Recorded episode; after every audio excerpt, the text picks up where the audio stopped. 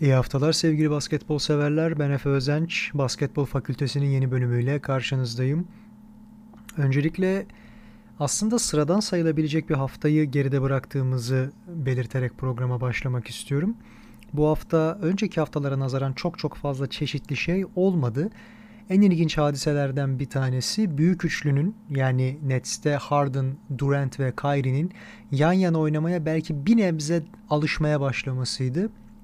Tabi şimdi Harden'ın çok fedakarca oynayıp ilk maçlarda potaya neredeyse kendi standartları içerisinde bakacak olursak hiç bakmadan yani potayı düşünmeden, sayı atmayı düşünmeden takımı oynatmaya çalışması, diğer arkadaşlarına ya tamam ben geldim ama sizin düzeninizi bozmayacağım, rol çalmayacağım, hadi bakın sizin hayrınıza da çalışıyorum diye onları oynatmaya çalışması.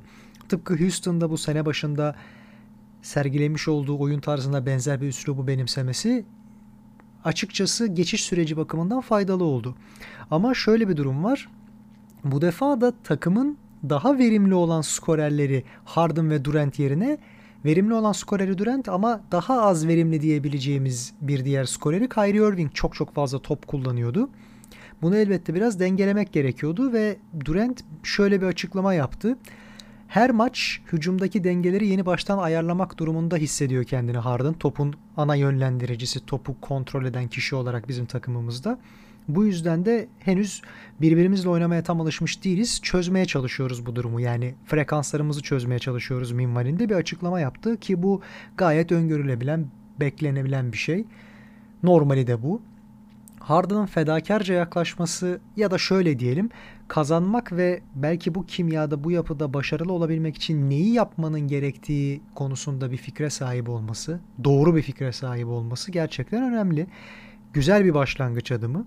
Biz olup olmayacağına dair ciddi şüpheler içerisindeyiz halen daha ama birazdan bahsedeceğim. Bazı ilginç gelişmeler de var idari kademede. Takımın kadrosunu geliştirmek adına diyelim, bir seviye atlatmak adına. Öncelikle son maçta bilhassa Harden kendisine yakışacak sayıda top kullandı. Topu paylaşmasının yanında o bildiğimiz boğma, ezme ve yavaşlatma etkisini göstermeden, tempodan hiçbir ödün vermeden, hız kesmeden bu işi yaptı. Açıkçası gayet de verimli bir hücum düzeni oldu bu. Atlanta'ya karşı yaptıkları her maç gerçekten çok büyük seyir zevki içeriyor. Yani gerçekten eşine benzerine zor rastlanacak türden müsabakalar bunlar. Fakat yani kazanmakla kaybetmek arasındaki o ince çizgi Atlanta'da da benzer bir problem var. Onlara da geleceğiz birazdan ama savunma yapma içgüdüleri hiç olmadığı için yani her iki takımında demek istemiyorum. Atlanta'nın biraz daha var ama neticede hücum gücü olarak da doğruya doğru Nets daha kuvvetli bir takım.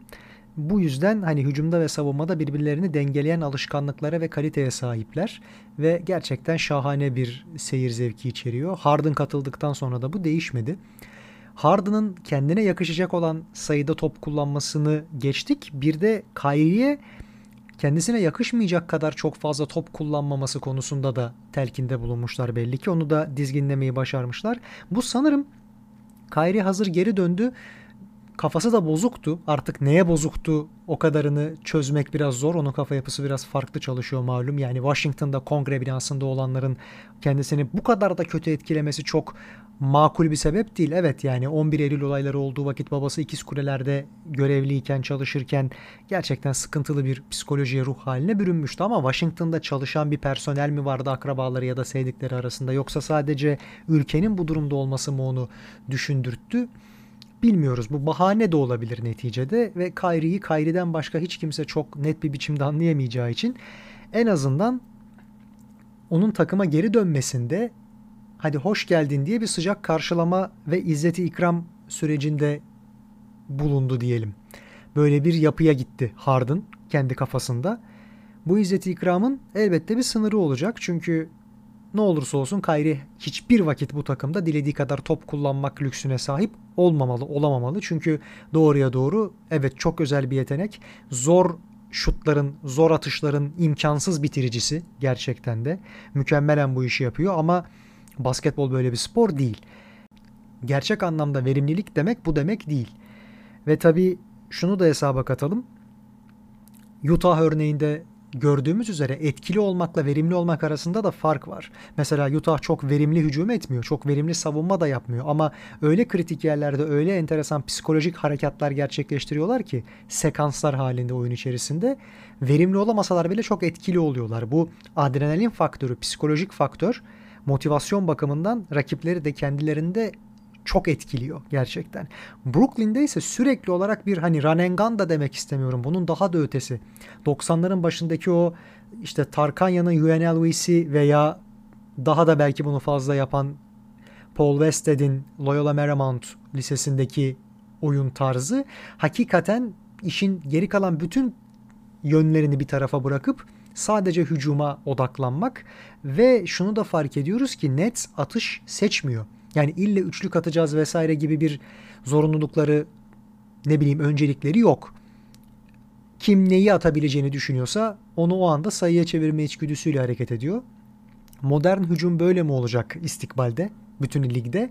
Bunu göreceğiz ama hiçbir zaman belki de NBA tarihinde bu kadar kaliteli bir hücum üçlüsü görülmemiştir aynı takımda. Gerçekten merakla bekliyoruz.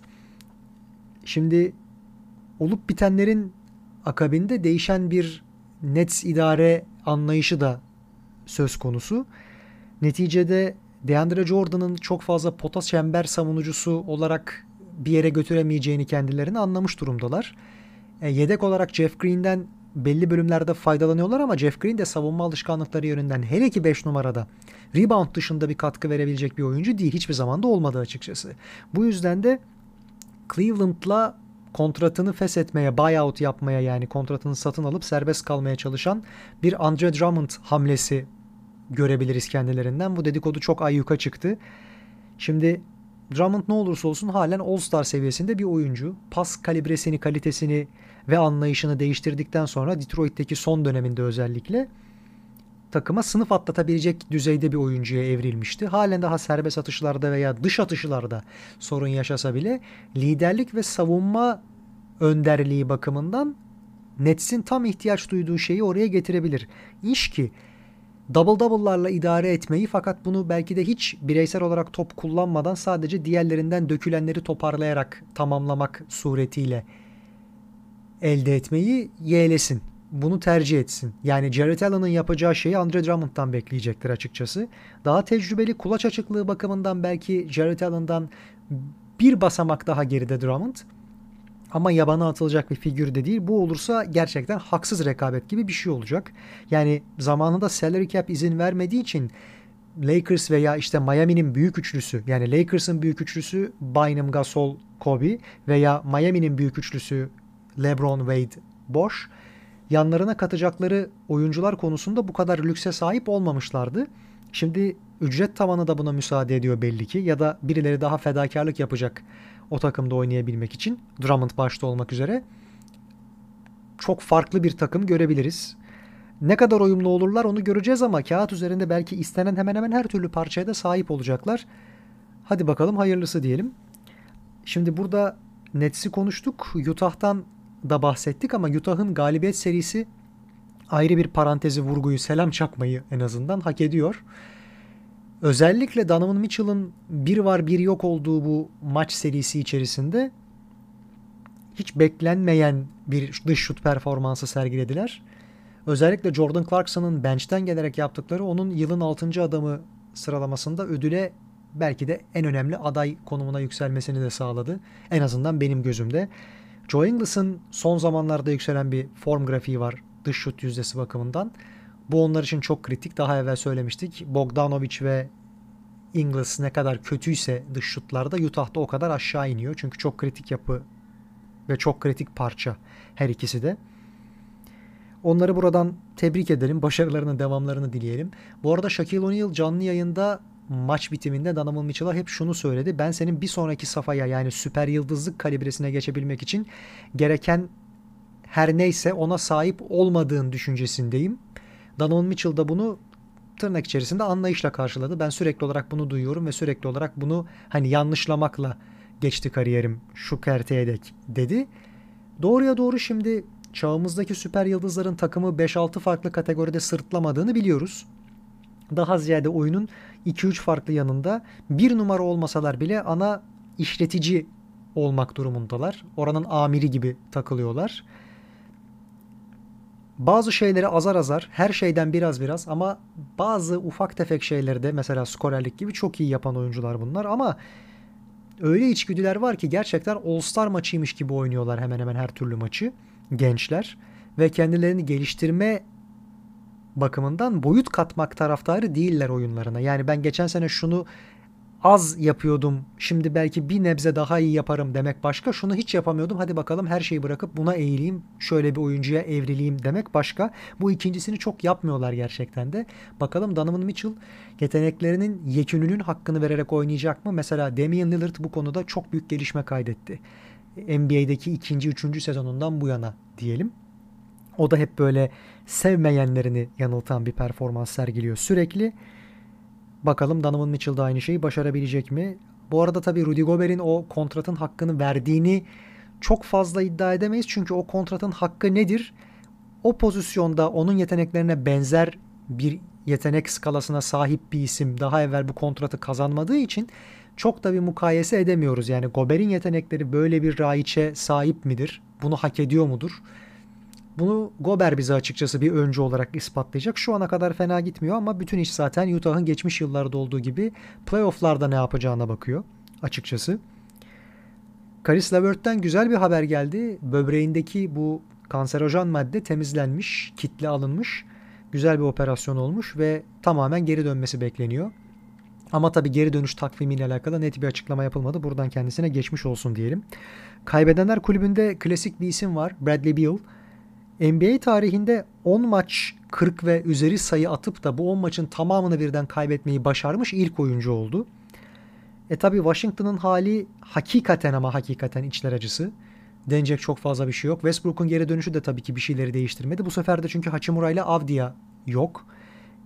E şimdi Thomas Bryant sakatlanıp sezonu kapattıktan sonra pota altında bir nebze olsun bir şeyler sergileyebilecek sertlikte ve taş çatlasın hani ne diyelim ona yüzü suyu hürmetine biraz savunma yapabilecek bir uzun arayışı içindeydiler. Alex Len'i serbest oyuncu piyasasından sözleşmeli takımlarına kattılar ama Alex Len de ayakları o kadar yavaş ve modern oyuna o kadar aykırı bir uzun ki evet biraz savunma katkısı verecektir de geri kalan yönden takıma sınıf atlatmasını beklememek lazım. Çünkü savunma sorunu Washington'ın sadece çember savunmakla bitmiyor. Takımın geri kalan oyuncularının da bir savunma kültürünün olmaması.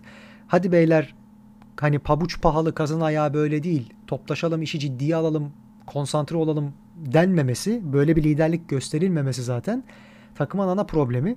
Burada tabii iş koçta bitiyor. Koçu da artık ben konuşmak istemiyorum. Doğruya doğru. Yani çok konuşmuştum zamanında artık bıktım açıkçası ve bıkmayan kaldım onu da bilmiyorum yani. Daha kaç örneğini görmemiz lazım bu şahsiyetin koçluk mertebesinde kaç farklı takımda görev alacak da halen daha bize aynı tas aynı hamam şeyler seyrettirecek onu da bilmiyorum ama neticede kontratını biz vermiyoruz. Veren takımlara da hayırlı uğurlu olsun. Clippers güzel bir seriye imza atmayı sürdürüyor. Arada tabii bir iki maç fire verdiler ama özellikle dün son oynadıkları maçta Kawhi Leonard ve Paul George yokken hakikaten de bütün sürükleyici as yıldızlarından yoksunlarken nispeten daha fazla yıldızına sahip olan bir Miami'ye karşı galip geldiler. Hani Miami'de de Dragic yoktu. Jimmy Butler zaten bir süredir yok. Avery Bradley yoktu. Doğruya doğru. Iguodala oynamadı ama takımın geri kalan oyuncuları o alıştığımız kadrodan işte Adebayo, Tyler Hero, Kendrick Nunn onlar sahadaydı. Tabii ki Robinson aynı şekilde. Clippers'ın böyle bir galibiyet alması rotasyonun bir şeyleri çözebilmesi açısından da son derece kritikti. Normal sezonda onların ispatlayacak çok şeyleri olduğunu söylemiştik sezon öncesi inceleme yaparken. Şu an bu tanımın, bu öngörünün hakkını vererek oynuyorlar diyelim. Lakers'ta enteresan bir iki maçlık seri yaşandı. Özellikle. Son maçta Detroit'e kaybetmelerini ben açıkçası beklemiyordum ama tabii işte Anthony Davis yokken uzun rotasyonu neler yapabilir bunu da üç aşağı beş yukarı gördük ki karşılarında savunulması artık neredeyse çok çok kolaylaşmış olan bir Blake Griffin vardı. Jeremy Grant çok iyi oynamadı bu arada onu da söyleyelim. Üstüne bir de hani Plumlee'nin şimdi doğruya doğru iyi kötü bir şeyler başarıyor ama kayda değer bir şey başarıyor mu? Yani istatistiksel olarak bakacak olursanız hayatın en iyi dönemini yaşıyor. Ama istatistikler her zaman doğruları ifade etmez. Bunu da biliyoruz.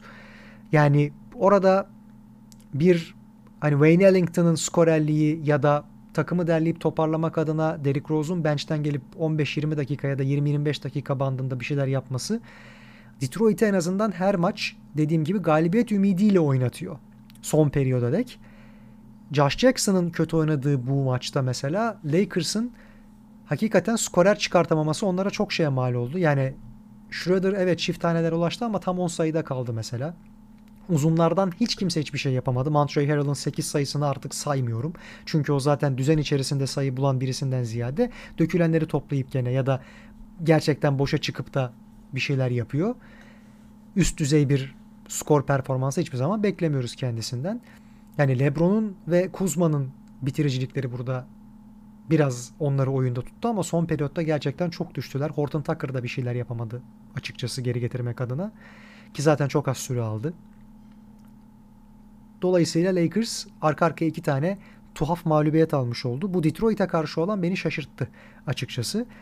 Şunu da söyleyelim. Lakers maçında Cleveland'ın Cedi özellikle ilk yarıda çok çok iyi bir performans sergiledi ama galiba son periyotta koç onu tekrardan oyuna almayı hatırlayana dek sebepsiz yere onu kenarda unuttu. Yani rotasyon veya roller bakımından takımın ego çatışmasını vesaireyi mi dizginlemeye çalışıyor nedir bilmiyoruz ama Cedi'nin bu kadar iyi oynadığı bir maçta LeBron'un bu kadar coştuğu bir maçta ve karşısında LeBron gördüğü için daha da şevkli oynayan bir Cedi varken onu kenarda tutmak hangi akla hizmetli bilmiyoruz. Artık başa gelen çekilir. Ama çok seyir zevki yüksek bir maçtı bence. Onu da söyleyeyim. Buradan Phoenix'e geçeceğim. Şimdi Phoenix'te Devin Booker sakatken oyunu açan çok büyük bir skor tehdidi yok. Ana skorerlerinden yoksunlar. Bu yüzden de bir iyi bir kötü oynuyorlar. Her şeyi Chris Paul'a bıraktıkları zaman ikinci bir opsiyon olmadığında Chris Paul'un da yer yer bocaladığını, saçmaladığını görebiliyoruz. Hatta takımdan bu yüzden hani özür dilediğini de saha içerisinde gördük. Ama tabii DeAndre Ayton'u ne kadar oynatacaklarına da bağlı bu durum. Çünkü Ayton bir maç hakikaten All-Star'lık performans gösteriyor. Diğer maç neredeyse ortalarda hiç yok. Bu oyun düzeninden ziyade biraz kendisinin topu istememesiyle de alakalı. En son işte Golden State'i yendikleri maçta mesela tamam Golden State çok kötüydü denecek bir şey yok. Curry hariç hemen hemen herkes kötüydü. Wiseman'ı niye bench'e çekiyorlar ki bench'ten iki maçta mesela çok güzel performanslar sergiledi. En azından dış şut kullanmaya başladı. Takım onu öyle kurgulamayı hatırladı. İlk beşte olmaması belki bu yüzden hayırlıdır ama savunma adına bir nebze bir şeyler yapabilecek olan iki uzundan birini Draymond Green haricindeki diğer uzunu bench'e çekip dakikalarını kısıp daha da beter bir feragat söz konusu burada. Çünkü Kelly Oubre tekrardan tuğla atmaya başladı potaya. Yani Wiggins ile Curry bir şeyleri götürmeye çalışıyorlar ama mesela Phoenix'in bu takım oyununa sökmedi. Çünkü bench ile beraber çok güzel geldi Phoenix. Az yaptılar, öz yaptılar ama galip geldiler neticede. Orada ilginç konu Jay Crowder'ın sürekli olarak bazı taraftarlardan ölüm tehdidi alması. Sebebini o da bilmiyor. Yani takımın yaz kampından hani sezon öncesi hazırlık kampını kaçırmış olması demeyelim de biraz geç başlamış olması iyi bir sebep midir? Geçerli bir sebep midir? Onu bilmiyoruz. Yani olamaması da lazım. Başka bir sebebi var onu da bilmiyoruz açıkçası. Ve birilerinin tırnak içerisinde trollemek için, dalga geçmek için bu tehditleri dile getirip getirmediğinden de emin değil hiç kimse. O yüzden de tedbirimi alacağım minvalinde açıklamalar yaptı Drummond. Düzeltiyorum Jay Crowder. Bu yüzden de hani umarız kötü bir şey olmaz. Hani bu şakası yapılacak bir konu değil gerçekten de hani sadece eğlenmeye çalışan bir takım ne derler ona kötü niyetli insanlar bunu yapıyorlarsa o onların ayıbı olsun. Gerçekten çok ayıp. Lakers konusunda son bir şey daha söyleyeceğim. Haftanın sorusu diyelim. Soruyla birleştireyim. Şimdi Anthony Davis yokken Lakers şampiyon adayı olabilir mi ya da şampiyon olabilir mi ve Marc Gasol başarılı olabilir mi şeklinde bir soru geldi. Mirim Serhat Kuru'dan. Buradan kendisine tekrardan teşekkür edeyim. Her hafta sorularıyla beni şenlendiriyor. Bizi yalnız bırakmıyor. Selam olsun. Ben şöyle bir açıklama yapmak istiyorum. Şimdi LeBron'un kariyeri boyunca herkesin malumudur. Bir takımı tek başına şampiyonluk seviyesine getirmişliği doğru, vakidir. Bu hep oldu. Fakat şampiyonluk seviyesine getirmekle şampiyon yapmak arasındaki o farkı her zaman yanındaki tamamlayıcı süper yıldız, ikinci süper yıldız oyuncu belirlemişti. Daha evvel baktığımızda hep bu oyuncu az parça olarak konuşacak olursak bir guard'dı. Yani Miami'deyken Wade'di, daha sonra Cleveland'dayken Kyrie oldu. Elbette Chris Bosh'un burada hakkını yememek lazım ama Chris Bosh süper yıldız gibi oynayan bir oyuncu değildi. O kadronun içerisinde All-Star seçildi mi? Seçildi. Doğru. Ama modern uzun prototipini yaratıp da 5 numaradan böyle şeyleri oynamayı alışkanlık haline getirmesi Miami'nin yani bu düzeni mükemmelleştirip bir de şampiyonluk elde etmesi Chris Bosh'un sayesinde oldu. Bunu inkar edecek değiliz. Fakat şöyle bir durum var. Çok dominant bir performans ya da şampiyonluktaki başat etken diyebileceğimiz bir unsur da değildi Chris Paul. Zorunluluktan dolayı o pozisyonu o şekilde oynamaya başladı açıkçası. E şimdi Kevin Love'ın rolü de aslında Chris Bosh'unki gibiydi. Cleveland şampiyon olduğu vakit Kevin Love da takımın üçüncü süper yıldızıydı. Hani süper yıldız mı All Star mı yani yıldız mı süper yıldız mı o konuda hep ihtilaf vardı. Gidip geldi neticede insanlar o konu arasında ama Love'ın oynadığı rol Chris Bosh'un oynadığı rolden çok çok farklı bir şey değildi. Özü kağıt üzerinde aynıydı ama takımda önem sıralaması bakımından üçüncü idi. İlk sırada LeBron, ikinci de Miami'deyken Wade, Cleveland'dayken Kyrie, üçüncü sırada Miami'deyken Bosh, Cleveland'dayken de Kevin Love. İlk defa burada şampiyonluğa erişen LeBron'un bir LeBron'un yanında uzun bir oyuncu vardı tamamlayıcı süper yıldız olarak. Anthony Davis geçen yıl. Şimdi Anthony Davis gerçekten de hani fantasy draft yapanlar, GM olarak işte fantasy league oynayanlar bilirler. İstatistiksel bakımdan orada çok fazla şey dikkat edilir galibiyet mağlubiyet skalası içerisinde. Carl Anthony Towns'la beraber belki de ya da yok ile beraber en cazip hedeflerden bir tanesidir başlarken. Takımınıza ilk almak isteyeceğiniz oyuncuların piridir, üstadıdır diyebiliriz. Ve GM'lerin de şu an ligde, gerçek ligde GM'lerin de en önemli tercihlerinden bir tanesi. Bir takım kurmak isterseniz sıfırdan kiminle başlatmak isterseniz diye konuşulduğunda ilk tercihleri Anthony Davis'ti uzun bir süre boyunca ki Davis o zaman evet bir süper yıldız seviyesindeydi ama kendisinden beklenecek şekilde baskın vur kır parçala bir performans göstermiyordu. Hatta uzun bir oyuncu gibi de oynamıyordu açıkçası. Yani çok yani narin kırılgan ezmeden biçmeden yani yeteneklerinin tamamını birden özellikle fiziksel yönden kullanmaya çalışmadan daha atletizmine dayalı bir şeyler üretmeyi seviyordu. Buraya geldikten sonra iç dış dengesini gerçekten mükemmel kurdular. Hani tıpkı bir Shaq ya da Shaq ikilisi gibi düşünelim bunu. Çok önemli bir güç. Rotasyonu da çok iyi oturttular. Bu sene de aynı şey geçerli. Eksikleri çok iyi tamamladılar. Yoktan var ettikleri Horton Tucker gibi oyuncular var mesela gene aynı şekilde.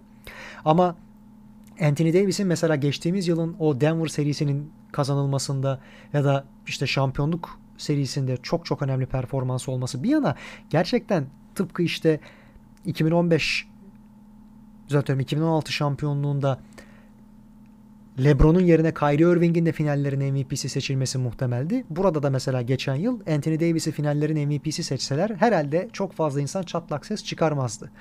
Yani oradaki ana mimar LeBron diye o ödül LeBron'a gitti.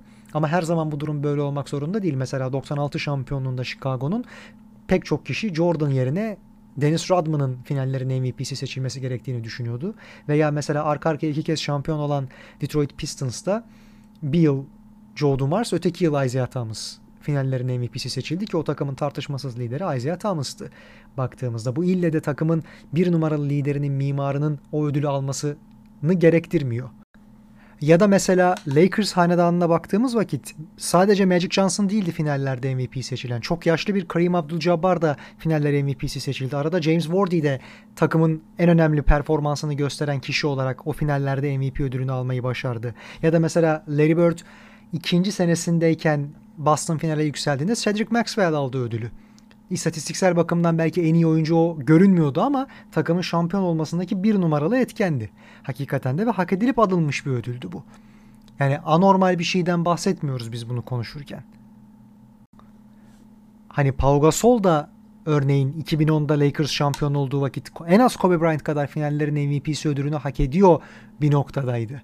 Böyle görülüyordu çünkü o şampiyonluğun elde edilmesinde hele ki kendisinin o bizi alıştırdığı görünümden çok farklı, savunmaya çok odaklı, çok sert, reboundlara çok konsantre bir performans sergilemesi her türlü takdirin üstündeydi. Şampiyonlukta da bir numaralı etkendi çoğuna göre. En azından Kobe Bryant kadar rolü vardı en azından. Onu söyleyelim yani. Hakkını yememek lazım. Ama herhalde bu konunun yani finallerin MVP'si ödülünün kime gitmesi gerektiğine dair kıstasın ulaştığı en ilginç iki nokta. Bir tanesi Spurs şampiyon olduğu vakit Kawhi Leonard'ın sırf LeBron'u çok iyi durdurabildiği için o ödüle layık görülmesi. Yani bu kadar parlaması. Bir ikincisi de herhalde Golden State'in şampiyonlukları içerisinde hele ki ilkinde ne Clay Thompson'ın ne Stephen Curry'nin buna layık görülmeyip 6. adam olarak gelen Andre Iguodala'nın bu ödüle sahip olması ki o da LeBron'u durdurabildiği için biraz daha parlamıştı diğer adaylara nazaran. Hücumda da çok önemli etki göstermişti o başka bir konu ama LeBron'un karşısında duran isim olarak da ekstra bir kredi toplamıştı neticede. Ha sonrasında mesela Curry de Kevin Durant kadar etkili miydi o sonra kazanılan iki şampiyonluk içerisinde? Evet. Doğruya doğru. Ona da gitse ödül kimse bir şey diyemez. Yani bu hiçbir zaman takımın hep bir numaralı yıldızına gitmek zorundadır denilecek türden bir ödül değil. Açıkçası. Hatta bazen yeri geliyor galip gelen şampiyon olan takımın oyuncularından bile seçilmeyebiliyor. Finallerin MVP'si ki 69 finallerinde Jerry West bunu başardı. Ki ilk defa finallerin MVP'si ödülü veriliyordu. O da kaybeden takımdan Jerry West'e gitti mesela. Böyle şeyler mümkün. Davis'e gelecek olursak konuyu dağıtmadan. Şimdi Anthony Davis her takımın hayallerinde en çılgın hayallerinde görebileceği kadar mükemmel bir oyuncu ve gerçekten de çok olgunlaştı. Hele ki bu yıl bazı maçlarda öylesine dış şut performansları gösterdi ki artık zaten işte daha evvel Antetokounmpo için öngörülen o tanım Anthony Davis için gerçekleşmiş oldu. Belki önceki programlarda bahsetmişizdir biraz biraz. Biz şunu söylüyorduk. Antetokounmpo böyle oynarken bir de hani %35-40 arası bir yüzdeyle orta mesafe ve dış şut atabilecek hale gelirse NBA'yi zaten bırakıp gidelim. Hani kapıyı kapatıp çıkalım. Oynanmasına gerek yok. Tarihin en durdurulamaz oyuncusu olur. Hani bana kalırsa WNBA'de şu an Liz Cambridge böyle bir figür mesela. Hem devasa hem de her koşulda, her yerden, her şekilde sayı bulabiliyor. Her türlü silaha sahip. Antetokounmpo'nun da böyle olması muhtemeldi. Şu ana kadar olmadı. Oyun tarzını değiştirmedi Yannis. Ama Anthony Davis bunu gerekli yerlerde başarabildiğini bize gösterdi. Dolayısıyla onun orada olması şampiyonluğun temel gerekliliği, ön koşulu. Hani LeBron olmazsa da bu takım şampiyonluğa oynayamaz ama Anthony Davis olmazsa da oynayamaz. Çünkü bir de muadili yok. Yani Montrezl Harrell'la veya sorunun bir diğer unsuru olan Marc Gasol'la burada değinelim. Marc Gasol'la bir yere gelmeleri çok çok zor. Şimdi bir defa Marc Gasol Memphis'teki veya Toronto'daki seviyesinde bile değil. Bırakalım Memphis'i Toronto'daki seviyesinde bile değil. Yaşlanmak ona kötü etki etti. Ayakları çok yavaşladı. Çok fazla faul problemine yatkın bir oyuncuya dönüştü. Ama çok zeki. Savunmada fena değil, reboundlarda fena değil. Çok sertlik getirdiğini iddia edemeyiz ama inanılmaz bir pas dağıtıcı halen daha. Ve gerçekten hani yılın 6. adamı seçilen bir Bill Walton 86 senesi şampiyonluğunu düşünecek olursak Boston Celtics'in oradaki Bill Walton'un rolünü üstlenmesi de çok muhtemel Mark Gasol'un. Bakmayın ilk 5'te başladığına ben rol olarak değinmek istiyorum burada bu benzerliğe. Mark Gasol'un sıkıntısı skorerliğinden de çok şey kaybetmiş. Hani potayı görmekten çekinir hale geldi neredeyse. Ve durup durup da bir anda kendisine fırsat ve sıra gelince bocalaması onunla hiç görmeye alışık olduğumuz bir şey değil hücumda. Eğer iyi dinlendirilip de biraz biraz toparlanırsa playofflarda özellikle çok önemli katkı vereceğini düşünüyorum ama istatistiklere yansımayan türden bir katkı olacaktır. Bu özellikle de tecrübesiyle. Yani burada şampiyonluk tecrübesi olan bir uzunun daha yer alması hele ki Mark Gasol gibi bir isimse, oyunun temellerini çok iyi bilen bir isimse, saha içerisindeki komutan olabilecek, koç olabilecek türden bir zekadan bahsediyorsak tabii ki gayet mühim ve kritik. Ama sağlam kalabilecek mi?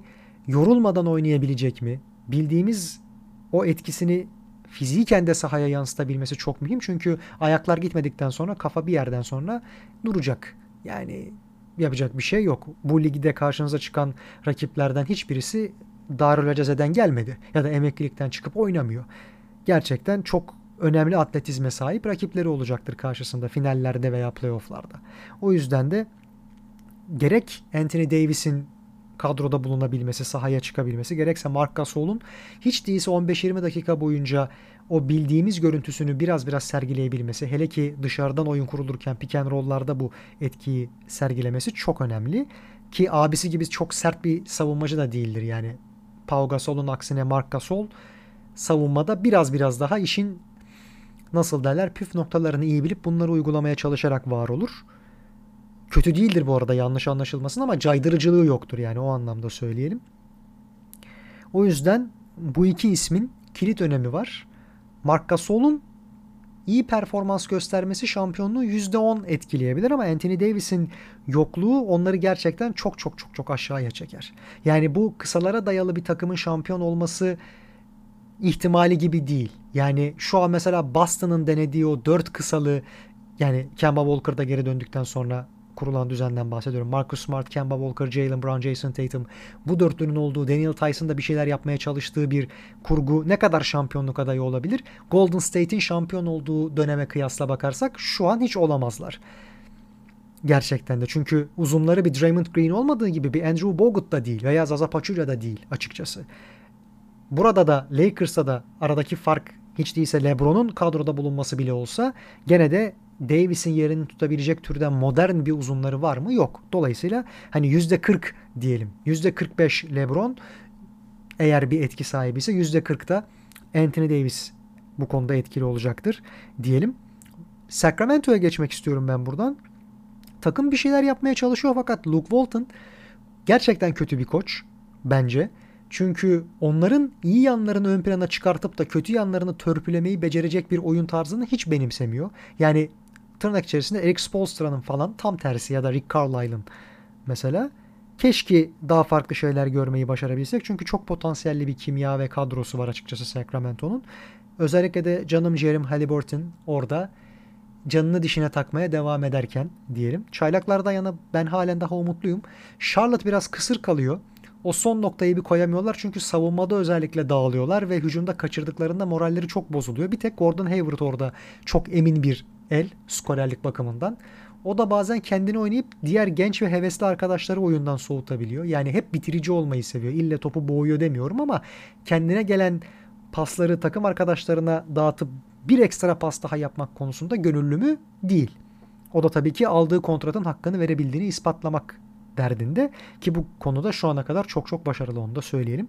Celtics de halen daha o trade exception'ı kullanıp bir takas hamlesine imza atmadı veya mesela Drummond'ın kontratını buyout etmesinden sonra kendisiyle bir görüşme gerçekleştirecekler mi onu da bilmiyoruz.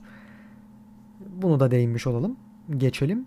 Houston açıkçası bunca hamlenin ardından çok kaybeden bir profil bir görünüm sergilerken bir anda çok çok ilginç bir takıma dönüştü bence.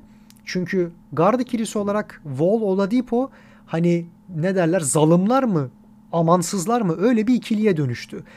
Evet çok yüzdeli atmıyorlar ama oynamaya karar verdiklerinde ritmi bir tutturduklarında da inanılmaz etkililer. Hele ki Wall'un deliciliği bu kadar eskisi gibi iken yani eskiyi andırırken.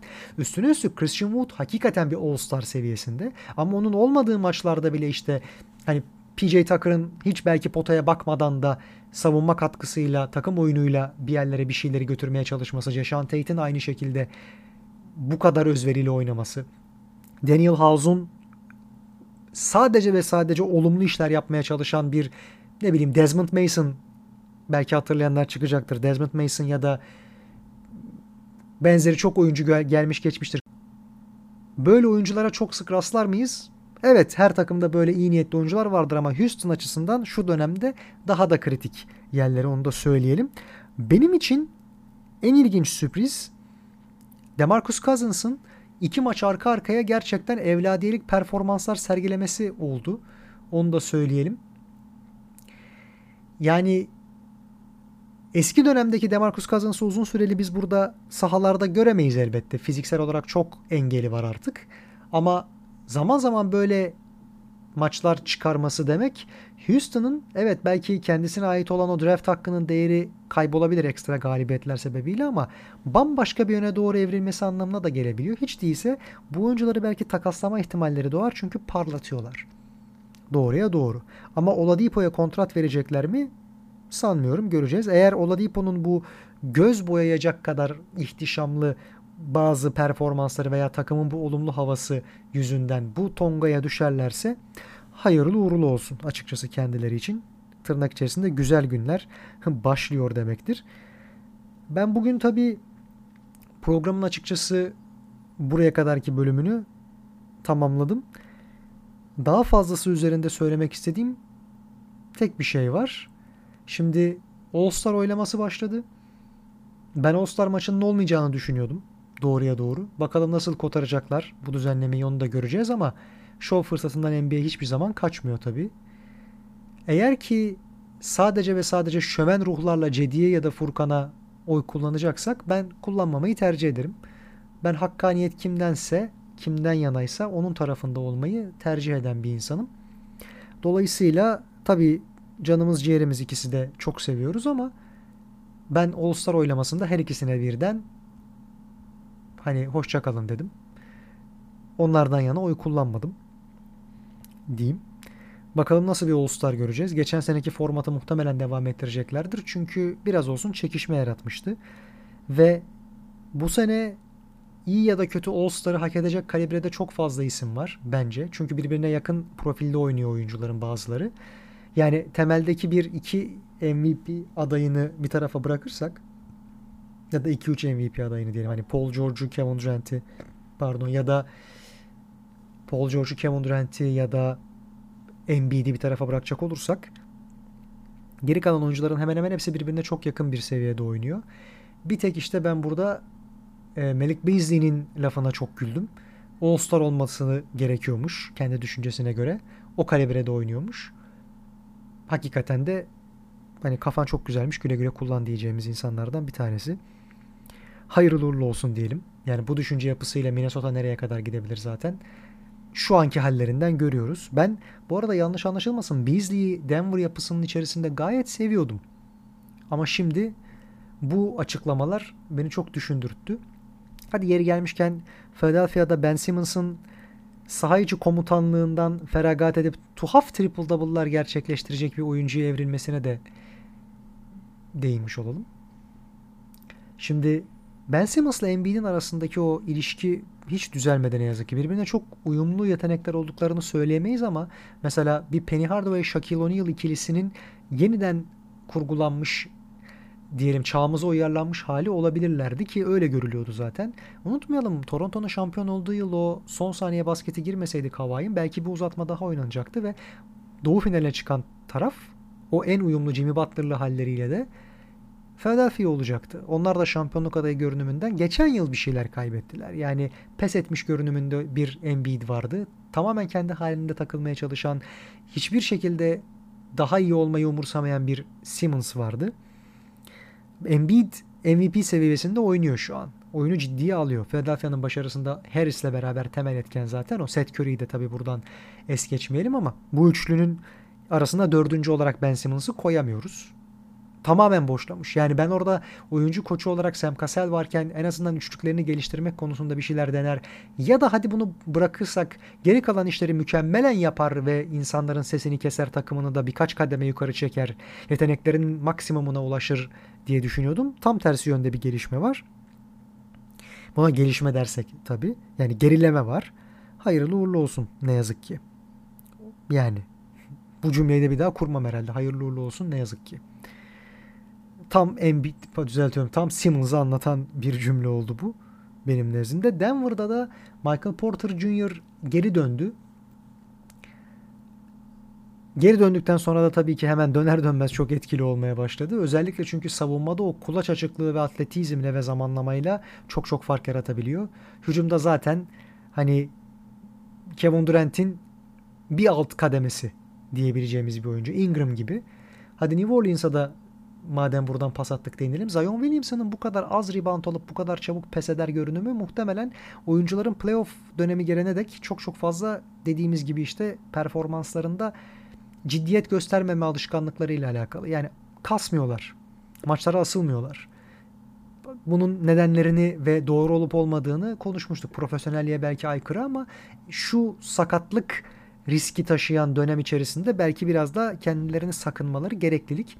Ama hani Lavar, Lavar Ball hep şunu iddia ediyordu. Benim oğullarım aslında süper yıldız. Hadi Lamelo da biraz biraz o potansiyeli potansiyeli bakın ışığı yani görebiliyoruz.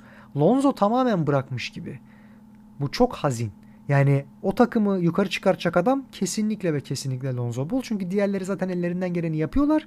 Stan Van Gundy'nin de çok fazla bir şey değiştirdiğini söyleyemeyiz açıkçası.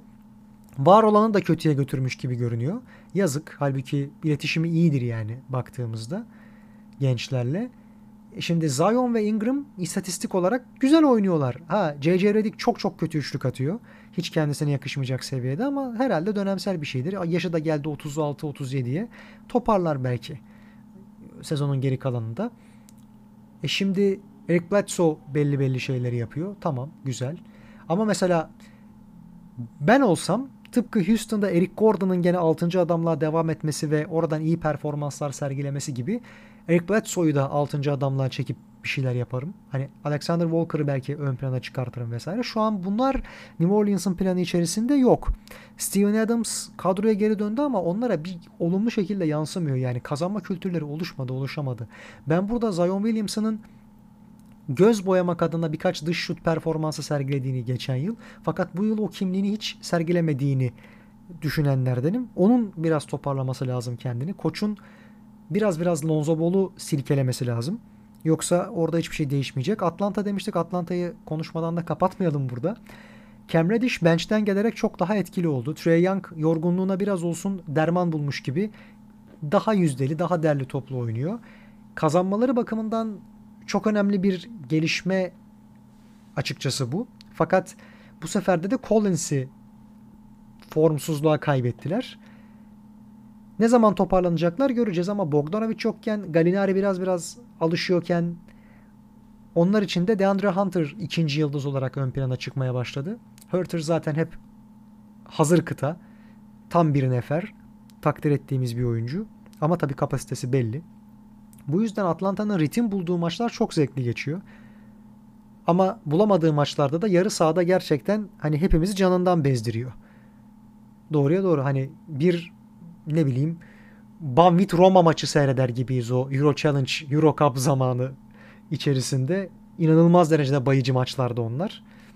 50'li skorlarda falan biten bizim ligimizin eskiden oynanan maçları gibi ya da Avrupa'nın ikinci, üçüncü kademesindeki liglerde oynanan maçlar gibi gerçekten. Atlanta'nın da bu inişli çıkışlı yani geceyle gündüz kadar farklı performansları da bizi hani maç seçer hale getiremiyor ne yazık ki. Acaba bu sefer iyi oynayacaklar mı bilmiyoruz. Doğruya doğru. Chicago'da bu arada savunma, hücum çok iyi ama savunma çok kötü. Onu da söylemiş olalım. Çünkü hani Wendell Carter Jr. kadroda değil şu an. Onun yokluğunda uzun rotasyonu bakımından çok sert savunmacılar yok ki kendisi de açıkçası Wendell Carter Jr. da çok sert bir savunmacı değildir ama doğruya doğru o varken takım daha iyi. Şimdi savunmayı hiç yapmıyorlar onlar da Brooklyn gibi. Hücumu çok çok iyi yapmaya başladılar ama bu çok kötü bir alışkanlık çünkü eskaza playoff'a kalırlarsa gerçekten çok ilginç bir bocalama yaşayacaklardır. Artık bu NBA'in yeni oyun tarzı. Pek çok takım bunu deniyor doğruya doğru. Oyun zevkinden bir şeyler götürüyor çünkü onu da açıklamadan bırakmayalım. Belki rakamsal olarak ikilik atışlar denemektense üçlük atışlar denemek, bu riski göze alıp yüksek risk, yüksek ödül felsefesine gitmek, bu doğrultuda hareket etmek mantıklıymış gibi görünebilir. Ama tabii şöyle bir etki de var. İşin psikolojik boyutu da söz konusu. Adrenalin. Yani sizin atışlarınızı %37, %38 ya da taş çatlasın %40 oranla isabete çevirebilmeniz seyirci üzerinde de insan olarak oyuncular üzerinde de rakip üzerinde de %50 isabetle oynamanıza kıyasla farklı bir etki yaratır. Dolayısıyla biz her hücumda atılan şutun kullanılan atışın girme ihtimalinin %40 olduğu bir oyun yerine gerekirse atışların %50'sinin veya daha yüksek bir oranın yani %60'a varıncaya kadar girme ihtimalinin olduğu fakat ikilik kullanımının daha fazla eskisi gibi arttığı bir ligi izlemeyi tercih ediyoruz. Ben açıkçası böyleyim. Doğruya doğru. Çünkü ben kaçırandan ziyade atan isimleri seyretmek istiyorum. yüksek yüzdeyle atan demek benim için çok daha fazla sayı atan demekten daha evla, evla bir durum. Doğruya doğru. Şimdi evet ikilik atışlar pota dibinden kullanılıyorsa garantidir, girmesi daha muhtemeldir. O yüzden de ikilik kullanacaksanız orta mesafeyi bırakın vesaire bu felsefeler hep konuşuldu. Ben hep bunun yanlış olduğu kanaatindeyim de. Üçlük atış kullanan insanlar daha az yüzdeyle daha çok sayı bulabiliyorlar belki ama maçın bol skorlu olması, yüzlü sayılara ya da 120-130'lara dayanması bu sayı limitinin maçın zevkli geçtiği anlamına gelmiyor. Mücadelenin tıpkı hani orduları düşünelim. Lejyonerlerin arkasındaki okçular eğer bir ordunun ana vuruş gücü haline gelirse lejyonerlerin ya da ne bileyim artık ana savaşçıların warrior class dediğimiz işte o kılıç kalkan dövüşçülerinin payı çok azalırsa bu sefer seyredenler bir sirki izliyor gibi olacaklar. Gerçekten de aa bak ne kadar isabetten kör atış yapıp hani tam isabetle hedefi vurdu. Oku tam 12'den hedefi vurarak attı vesaire gibi. Tamam bunlar özel bir gösteri olarak çok etkileyici olabilir. Zoru başarmak anlamında. Ama bir defa atılıyor ok o sirkte ve bu yüzden etkileyici. Biz sürekli olarak bunun denemesini görmeye çalışsak ve bazen girecekse bazen de girmeyecekse çoğunlukla girmeyecekse sıkılırız. Yani o topun o potadan daha sık geçtiğini görmek istiyoruz. Daha az geçip de her geçişinde bize daha fazla sayı kazandırmasını görmek istemiyoruz seyirciler olarak. Belki en doğru tabir bu olacak. Ana vuruş gücü okçular olmamalı bu yüzden bence. Ha fiziksel mücadelenin seyirciler gözündeki etkisi tabii ki daha farklıdır. Bu da başka bir konu ama doğruya doğru. Sözünüzü böyle. Yani işin sadece bir tahrik edicilik unsuru bakımından Aa ne kadar güzel bir savaş oluyor, bir edilgenlik var. Biz de oradan etkileniyoruz. Hadi bakalım biz de hareketlenelim. Daha fazla insanın savaşmasını, kıran kırana mücadeleye girmesini bekleyelim demek konusu başka. Hakikaten de yüksek yüzdeli atışların girme durumu ve bunun bize aşıladığı seyir zevki daha başka. Ben bu yüzden yakın mesafenin ya da orta mesafenin halen daha üçlüye yeğlenmesi gerektiğini düşünüyorum. Yani özetle yaptığı işte daha becerikli olan insanları görmek, daha zor işleri düşük yüzdeyle de olsa başarabilen insanları görmekten daha önemli benim için. Ama tabii kurallar şu an üçlüyü çok daha yeğlenir kılıyor.